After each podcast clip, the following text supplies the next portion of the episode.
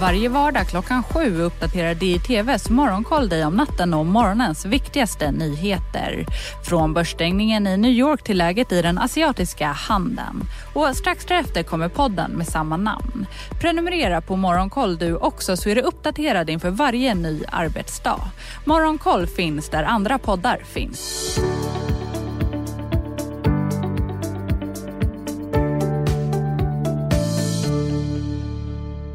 Välkomna till Smarta pengar, en podd om privatekonomi från Dagens Industri med Jenny Pettersson och min kollega Hans Bolander.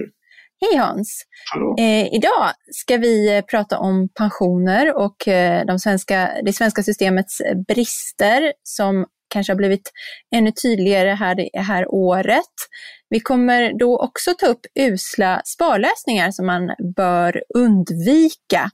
Ett företag som många eh, anlitar, arbetsgivare anlitar är ju för sin tjänstepensionslösning är Söderberg Partners. Men de anställda riskerar att bli stora förlorare på det, visar DIs granskning och det ska vi diskutera lite senare. Men först några ord om fastighetsdeklarationen, för det närmar sig sista dagen för det och vad ska man egentligen göra Hans? Behöver man göra någonting? Ja, det är ju så att egentligen är det av landets 2,4 miljoner småhusägare så är det bara 70 000 som behöver göra något. De har liksom blivit anmodade att komma in med en deklaration. Eh, men alla får ett taxeringsvärde, ett nytt taxeringsvärde.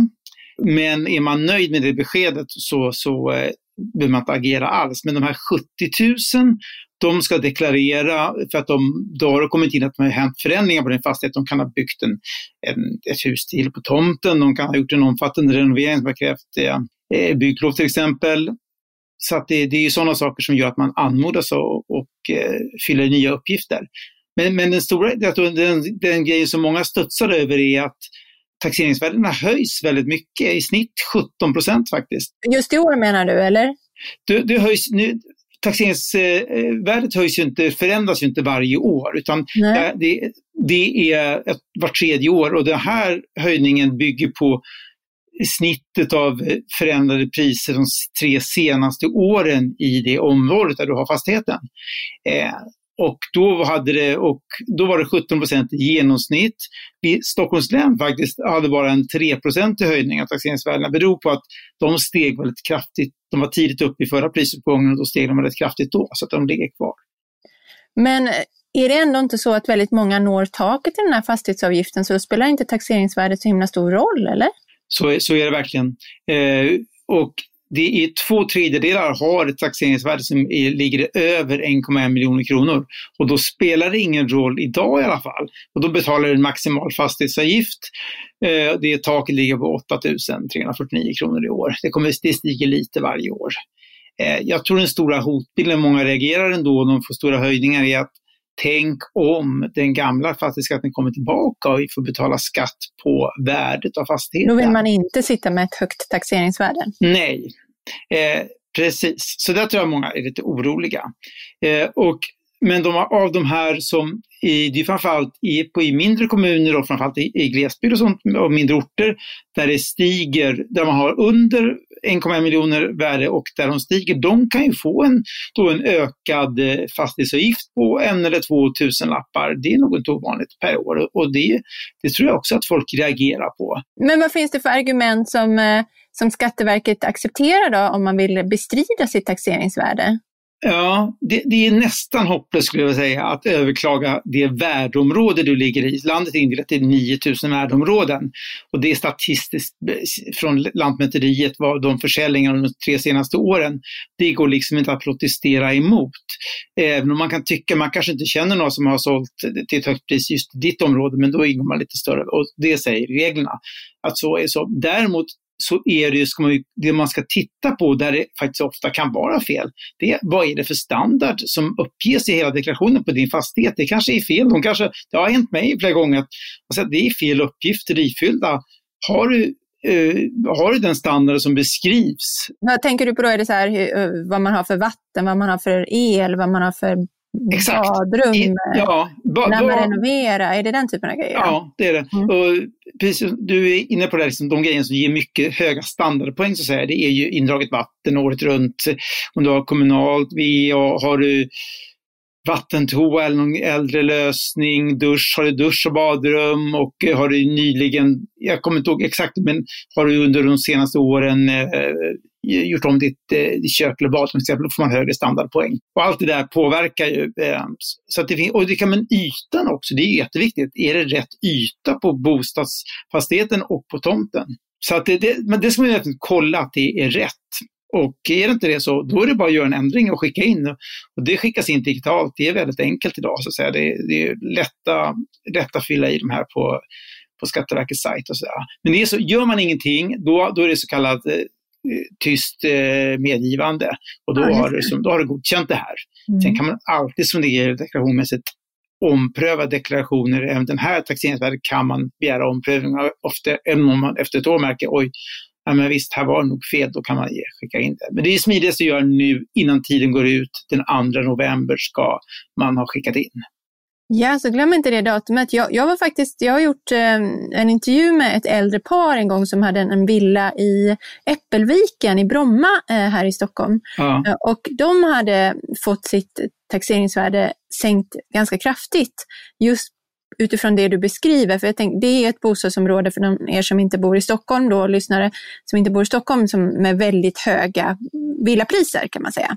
Eh, och de hade en jättestor villa där, men jag tror faktiskt inte de hade gjort någonting där inne sedan 60-70-talet. Det var Nej. väldigt låg standard på allting.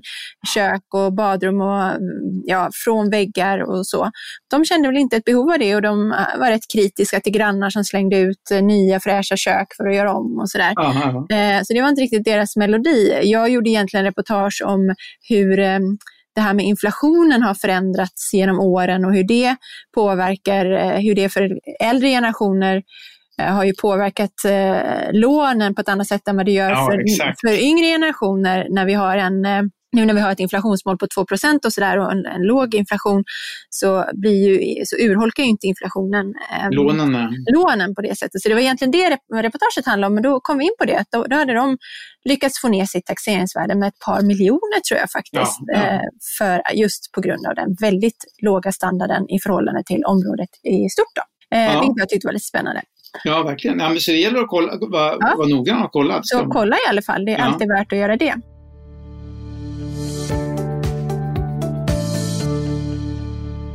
Vi byter ämne här i podden. Pensioner är ju ett tema som vi återkommer till ganska ofta på olika sätt. Och det är för att vi tycker att det är så oerhört viktigt, så vi kommer fortsätta att göra det. Eh, och nu har vi då dessutom precis inlett en artikelserie om pensioner i, eh, i papperstidningen och på nätet. Och varför har vi gjort det Hans? Därför att det är, eh, blir en allt viktig, lever allt längre och det blir en allt viktigare del av vår totala livsinkomst. Och det är rätt snårigt, men man, man bör sätta sig in i det. Och framförallt så bör man också veta att successivt så urholkas systemet, framförallt på grund av att vi lever längre. Eh, vilket är en positiv nyhet, att vi lever längre, men då ska ju också pensionspengarna eh, räcka längre. Och om många vill fortfarande ha som så lite rikt eh, ålder, pensionera sig vid 65, men då måste man ju liksom fylla på kassan själv eller göra egna inbetalningar för eh, det är ju ingen annan som gratis betalar det här. Men, men det där blir fler och fler varse. Liksom, och det, och det, har varit mycket debatter och man skjuter till extra pengar. Och det är ju naturligtvis jobbigast för de som har haft låga inkomster under livet. Jag vet att det är många som tycker att det är oerhört tråkigt att tänka på pension när man kanske är i 40-årsåldern eller sådär. Eller ännu, speciellt om man är ännu yngre än det då. Men det är ju så ändå att det är ju när du är i den åldern som du har möjlighet kanske att göra vissa saker som kommer påverka pensionen väldigt mycket 30 år senare. Så att, att börja tänka på pensionen när man är 60, det är ju lite sent. Ja, eh, det är svårt att eh, få ihop något mm. stort sparkapital. Det är också svårt att Eh, påverkar kanske din löneutveckling eller din yrkeskarriär på det sättet som du kan göra när du är mellan eh, ja, 25 och uppåt, då, eh, en, ja, där du väljer utbildning och du också väljer arbetsgivare kanske mm, som har tjänstepension eller inte. Det finns många val då som man gör tidigt i livet som får stor betydelse och därför så försöker vi inpränta i folk att man måste engagera sig i den här frågan även om man helst vill gå och ta en whisky eller någonting för att man tycker att det är så tråkigt. Ja. Men, vi tycker inte det. Vi tycker att det är jättekul. Det man kan säga är väl att Sveriges pensionssystem, då, det som infördes på 90-talet, har ju fått internationellt beröm för att vara så robust. Och det är ju då att systemet finansieras via pensionsavgifter. Det är alltså självfinansierat och oberoende av statsbudgeten, vilket är, vilket är en otroligt viktig poäng. Och det är det många andra länder inte har lyckats med att brottas med och också att det har varit en blocköverskridande överenskommelse. Men precis som du lyfte här Hans, att i takt med att vi lever, att vi lever längre så fungerar inte det här riktigt som det var tänkt från början egentligen. Eh, så vad, vad, vad är, är livslängden det största problemet eller är det något annat? Livslängden är det största problemet, skulle jag vilja säga, eh, i kombination med människors förväntningar på pensionen. Eh, nu accentueras det här liksom, i med coronakrisen som gör att vi kom in väldigt snabbt i en brant lågkonjunktur. Man ska komma ihåg att pensionerna betalas hela tiden av de yrkesarbetande. De, de som jobbar betalar in arbetsgivaravgifter och en del av det är pensionsavgifter. Det hör till de fortlöpande betalningarna in. De pengarna går in och sen går de ut till, till dagens pensionärer. Men sen får man ju också pensionsavgifter som är en teoretisk konto. Då. Men hur som helst så coronakrisen förvärrar det här för att det egentligen bygger på det är allra bäst om vi har många i och ökad arbetslöshet också. Så vi ska ha många i sysselsättning och vi ska helst ha en ekonomi som växer ordentligt varje år. Då blir det också bra starka pensioner framöver. Så det här är ju, och det här är en utmaning som hela västvärlden ska De flesta har den här typen av demografi, att det blir vi är ungefär två miljoner människor i Sverige idag som är över 65 år. Om 20 år så är vi 2,7 miljoner. Så det, det är, och antalet 80 och 90-åringar som också då ställer stora påfrestningar på samhället för att de kräver mycket vård ökar ju dramatiskt. Mm. Och, och, på något sätt är det så här att någon måste betala för det här eh, för att vi lever längre. Och på ett eller annat sätt, antingen betalar staten, men staten är ju vi, det är våra skattepengar. Så att man, Ja, det tycker jag att folk ibland glömmer bort i ja, den här exakt. debatten. Man tycker bara pensionerna måste höjas. Jo, det kan man verkligen ja. Eh, ha sympati med. Men då måste vi också vara beredda kanske att betala högre skatter eller lösa det på något annat sätt. Ja, eller högre avgifter då. Och om det tas från ar arbetsgivarna bör betala in mer, säger en del, i tjänstepersoner. Ja, det kan man verkligen tycka, men om man betalar in mer i tjänsteperson, då, då skäl ju det från det så kallade löneutrymmet. Då blir det lite lägre löneökningar för, för oss allihopa istället. Så det, det, finns ju liksom inga gratis Men Vi pratade i podden här om veckan om hur eh, mycket högre disponibel inkomst de svenska hushållen har fått de senaste 15 åren, tror jag det var. Eh, och där vi kunde konstatera eh, då enligt eh, den här undersökningen eller, eller genomgången att det handlade om många, många tusenlappar eh, ja. då som den disponibla inkomsten har stärkts med. Och där kan man ju tänka sig att ja, vi kanske inte ska använda de pengarna till, eh, till ökad konsumtion här och nu eller till eh, ja, ökad levnadsstandard eh, när, nu när, vi är, eller när man är i, i yngre ålder. Då, utan då, kanske vi, då är det kanske helt rimligt att man ökar pensionsavgifterna eh, till systemet eller hittar andra lösningar istället. Ja, verkligen. Och så man kan säga, sen sitter ju staten lite i en rävsax. Antingen ser man till att systemet gör så att de allra flesta kommer över någon sorts anständighetsgräns och upplever att de får en bra pension. Eh, om man inte gör det och man har väldigt, en stor grupp har väldigt lite pengar, då måste ju ändå samhället, eh, det vill säga kommunerna då, betala ut försörjningsstöd och se till att det finns ett boende och man måste höja bostadsbidragen. Ja, precis. Att, mm. Så samhället måste ju betala då för de som inte kan ha en dräglig standard själv och sen får man sätta den linjen. Men ja, det här är som sagt utmaningar som vi har i hela och västvärlden. Så det viktigaste är att vi har en diskussion om det här och det har vi verkligen nu i politiskt också. Hur ska man lösa de här frågorna? Jag har sett lite undersökningar som visar att, att folk gärna vill ha kanske då 70-80 procent av sin slutlön eh, eller sin tidigare inkomst i pension, att det är det, där någonstans man tycker är en rimlig inkomst. Och med dag, så som det ser ut idag så är ju det en utopi. Det kommer ju nästan ingen att få. Det finns ju några, alltså det kan ju slå lite olika, så visst, en liten grupp kommer få, väldigt, kommer få kanske 100 procent av sin pension, men väldigt många kommer få väldigt mycket mindre också. Eh, en, en riktlinje har väl varit då att inklusive tjänstepension så kanske framtida generationer eller de som är säg 80, 80 90, 70-talister kan få ungefär drygt 50-55 procent av sin, av sin lön i pension. Alltså det är ju nästan en halvering av inkomsten då. Ja, men det kan bli bättre än så också, ska säga, om vi vänjer oss vid att jobba längre. För det finns de här undersökningar som Pensionsmyndigheten har gjort och framskrivningar att de som är födda vid millennieskiftet idag, när de går i pension, om de då jobbar till 70 år istället för 65, som är den så kallade riktåldern, vilket egentligen är ganska rimligt att man ska göra om man är frisk. Eh, då får de en allmän pension på 55 procent och de får mera från eh, en tjänstepension också, så då kanske man kommer upp till 70-75 procent av eh, allmän person mm. och, eh, och, och, samt tjänstepension. Men där kommer mm. vi in på någonting som du har skrivit rätt mycket om nu också. Ja. Betydelse, den, den, det är ju den en växande är betydelse. Jättestor. Precis, den har en ja. jättestor betydelse. Den kan ju vara, för vissa grupper kan ju den vara nästan halva pensionen. Ja. Och för ganska många står den kanske för en tredjedel. Eh, så utan tjänstepension så står du dig ganska slätt kan man ju säga. Eh, och finns det då kollektivavtal på arbetsplatsen så finns det också oftast då bra upphandlade lösningar som du tillhör, eller det finns det då. Eh, och i de kollektivavtalen där finns det pressade pensionsavgifter och pensionsbolag, fondbolag får ju liksom, det, det där sker ju nya upphandlingar med några års mellanrum då, så de som inte håller måttet, de åker ju ut då. Så, eh, och det finns ofta då en bredd av produkter att välja på, om fonder eller om man vill ha någon mer traditionell eh, förvaltning. Då.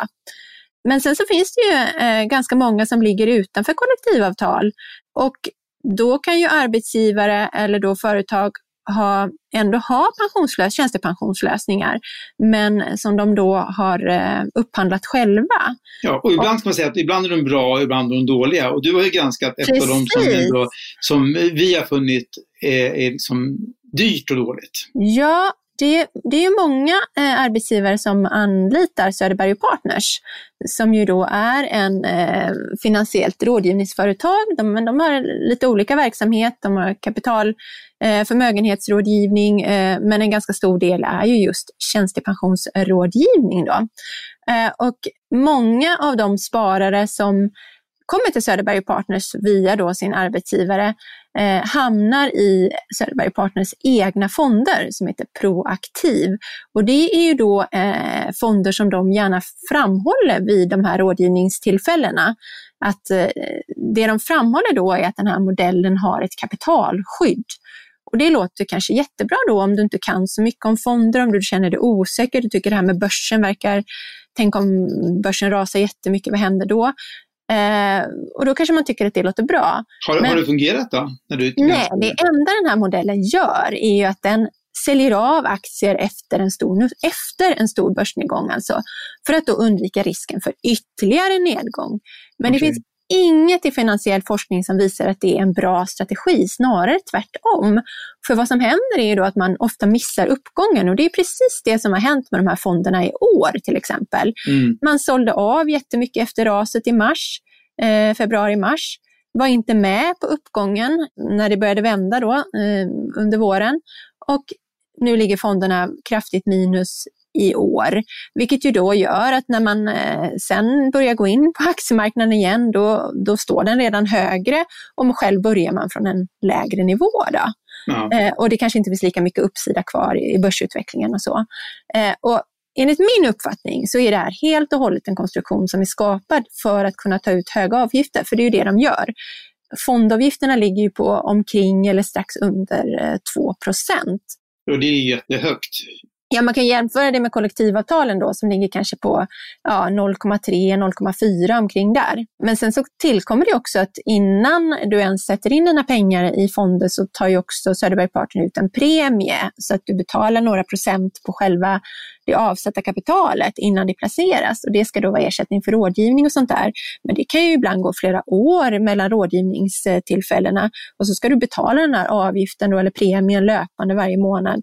Det blir ju också någonting som urholkar pensionskapitalet på sikt för att du får ju mindre pengar att placera varje månad då. Och så har du liksom hela ränta på ränta grejen som försvinner då. Så jag tycker att det här upplägget är någonting som dels arbets, eh, de anställda ska ifrågasätta. De ska dels ifrågasätta det till Söderberg Partners men också ifrågasätta det till sin arbetsgivare. Sen varför, har ni, varför är det här lösningen ni har tagit fram till oss? Och så tycker jag också man verkligen kan ställa frågan till arbets... Eh, alltså jag tycker att många företag borde verkligen fråga sig själva, vad gör vi mot våra anställda här? Ja. Det är ju Nej. riktigt illa, tycker jag, att man är så dåligt påläst, eh, att man inte förstår det här. Eller så förstår man det, men så tycker man att det är en smidig, billig lösning för företaget. Jag tror det är mycket det också. De är, med företag är också lata och vill inte ta på sig ytterligare en administrativ uppgift och, och granska det här. Idag har det kommit upp många konkurrenter nu som som är, har en typ av lågprisförvaltning av pensionsfonder och liknande med mycket mera prisvärda lösningar. Och de hjälper företagen eh, med administration och allting men erbjuder liksom eh, bra och billig, mycket billigare produkter. Mm. Man kan ju hoppas att uh, den nya ja, men utvecklingen då, det, den drivs mycket av teknikutvecklingen. Ja. För att mycket av de här tjänsterna blir ju digitala då. Um, Söderberg Partners tjänster är fortfarande väldigt uh, gammalmodiga på det ja. sättet att det bygger på fysiska möten och sådär. Och då kan man ju bara hoppas att arbetsgivarna eh, ser att det också blir ekonomiskt lönsamt för dem då att välja någonting annat så att arbetstagarna får bättre lösningar. För vi snackar ju här, man kan, man, det är svårt, man kan greppa kanske ibland så här, men vad 2% eller en halv procent och det låter kanske inte så mycket så. Men vi snackar ju miljoners miljoners kronor i lägre pensionskapital. Mm. Och det blir ju mycket pengar per månad eh, under all den, alla de år man ska vara pensionär. Ja, jag, jag, tycker att det är upprörande att det finns sådana här usla lösningar på marknaden eh, och att de eh, får finnas kvar. Och nu, så säger jag att, jag, att Söderberg Partners fonder, egna fonder, är ju riktigt dåliga och har ju en riktigt dålig konstruktion och strategi som eh, det egentligen inte finns något, som sagt, något som eh, talar för. Men det finns ju även andra företag som, som har mer traditionella fondlösningar eller erbjuder vanliga typer av fonder fast paketerar det på ett sätt som också gör det väldigt dyrt, som Max Mathisen till exempel, fond-i-fond-lösningar. De, de är också väldigt kostsamma för arbetstagarna med höga avgifter, men sen har de ju inte de här så kallade kapitalskyddet då, utan det är mer, fungerar mer som en vanlig fond. Ja, men även bankerna, storbankerna har ju mycket fond i fond. Alltså man kan ju sammanfatta på ett sätt är ju att om någon, någon som är i en rådgivningssituation landar i att de föreslår sina egna produkter, då ska man ju vara äkta skeptisk. Då ska man ju kräva, ja men okej, vad kostar de här? Och kan du jämföra dem med andra externa produkter, att det här är bättre? Det, det känns ju som någon sorts minimigräns. Ja, och alltid med argument som handlar om att dina pengar är skyddade, då tycker jag på något vis att då ska man verkligen sätta sig in i vad det där skyddet består i. För man kan ju vara sådär att man är att man tycker att det här med risk är läskigt, att man inte vill ta så mycket risk, men då finns det betydligt bättre lösningar där du sänker risken men har en eh, lika god eller bättre avkastning, fast då till en mycket lägre risk. Ja, precis. Generationsfonder till exempel som finns på den öppna marknaden och eh, Sjunde AP-fonden jobbar ju så att de drar ju ner risken när man börjar närma sig åren innan pension. Eh, det, det är aktier för hela hela slanten och sen så mot sista, jag kommer inte ihåg om det är nu, ja, fem, tio åren så trappas det successivt ner för att få en lite. Och, och, man kanske inte ens vill, vi pratar ju om det att man lever allt längre, man kanske ska ha pensionsutbetalning under 20 år, så man kanske inte ens behöver dra ner på risken så mycket då, men det är upp till var och en att fundera mm. på. Men man måste ju ge vettig information också till, till spararna om det här. Ja, så det är vårt medskick att eh, kolla vad du har för fonder har du proaktiv Söderberg Partners egen lösning, då tycker vi verkligen att man, ni ska tänka igenom om det är eh, bra lösning och ifrågasätta också arbetsgivaren.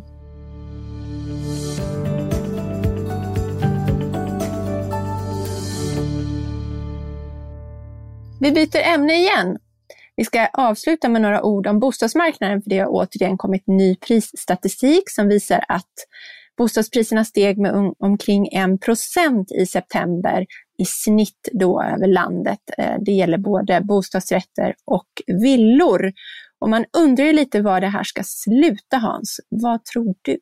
Ja, och ska man titta i det korta perspektivet så är det ju så att även den här, vissa aktörer lämnar nu halvmånadsstatistik, så vi har även sett statistik från halv, när halv oktober har gått. Att då fortsätter uppgången. Det är fortfarande det är ett enormt drag på bostadsmarknaden. Framförallt i, i tätorter och regioner, eh, de starka regionerna, där, där är det ju, det är ju en brist. Ja, men det, det är ju det här, vi har ju kommit tillbaka till det här att det finns en brist på bostäder, det finns en brist på hyreslägenheter, någonstans måste folk bo, räntorna är låga och tror jag att det här med att de flesta inser nu att räntorna kommer förbli låga under många, många år framöver på grund av som det ser ut. Däremot så tror jag att det är ohållbart att det skulle växa med, jag tror är faktiskt uppe i 11 procent årstakt nu om man tittar 12 månader tillbaka.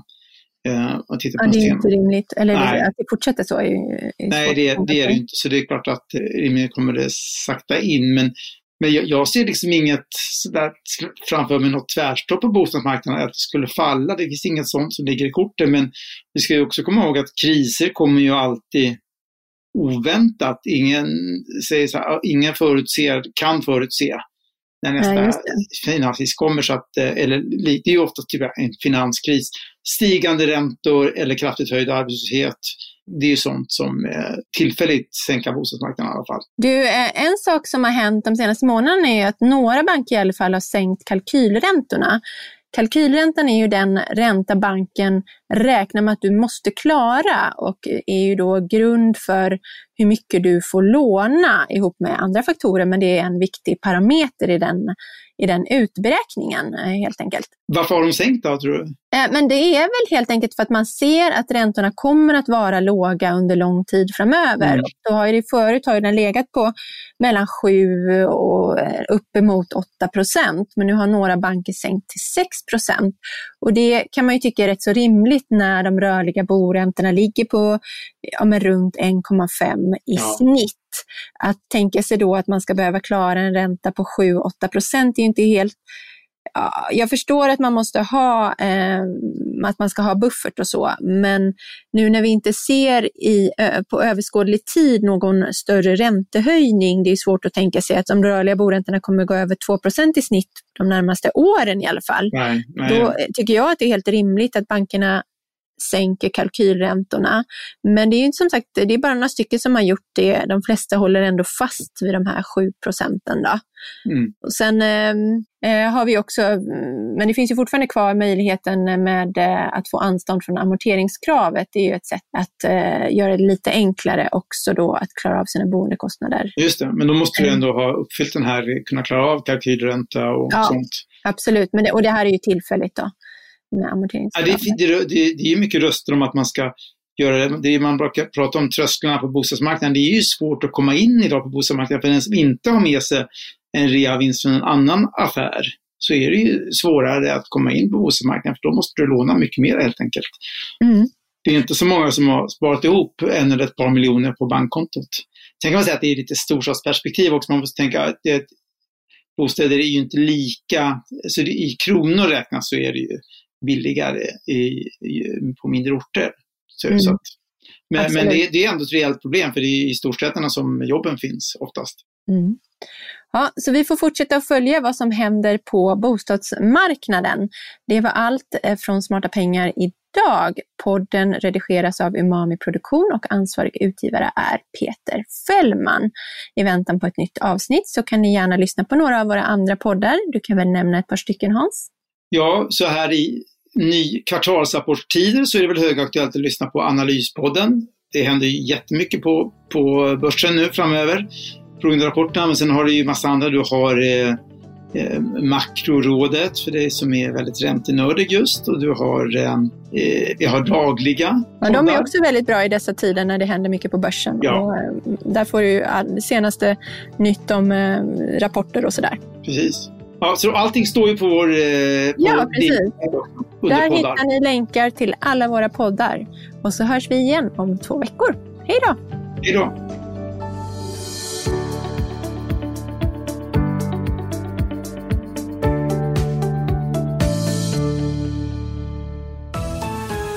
Hej! Andreas Johansson på DIs nyhetsmagasin Ekonomistudion här. Vi fördjupar oss i de viktigaste frågorna och möter Sveriges makthavare inom ekonomi och politik. Ekonomistudion finns där poddar finns varje dag klockan 16. Varje vardag klockan sju uppdaterar DITVs Morgonkoll dig om natten och morgonens viktigaste nyheter. Från börsstängningen i New York till läget i den asiatiska handeln. Och strax därefter kommer podden med samma namn. Prenumerera på Morgonkoll du också så är du uppdaterad inför varje ny arbetsdag. Morgonkoll finns där andra poddar finns.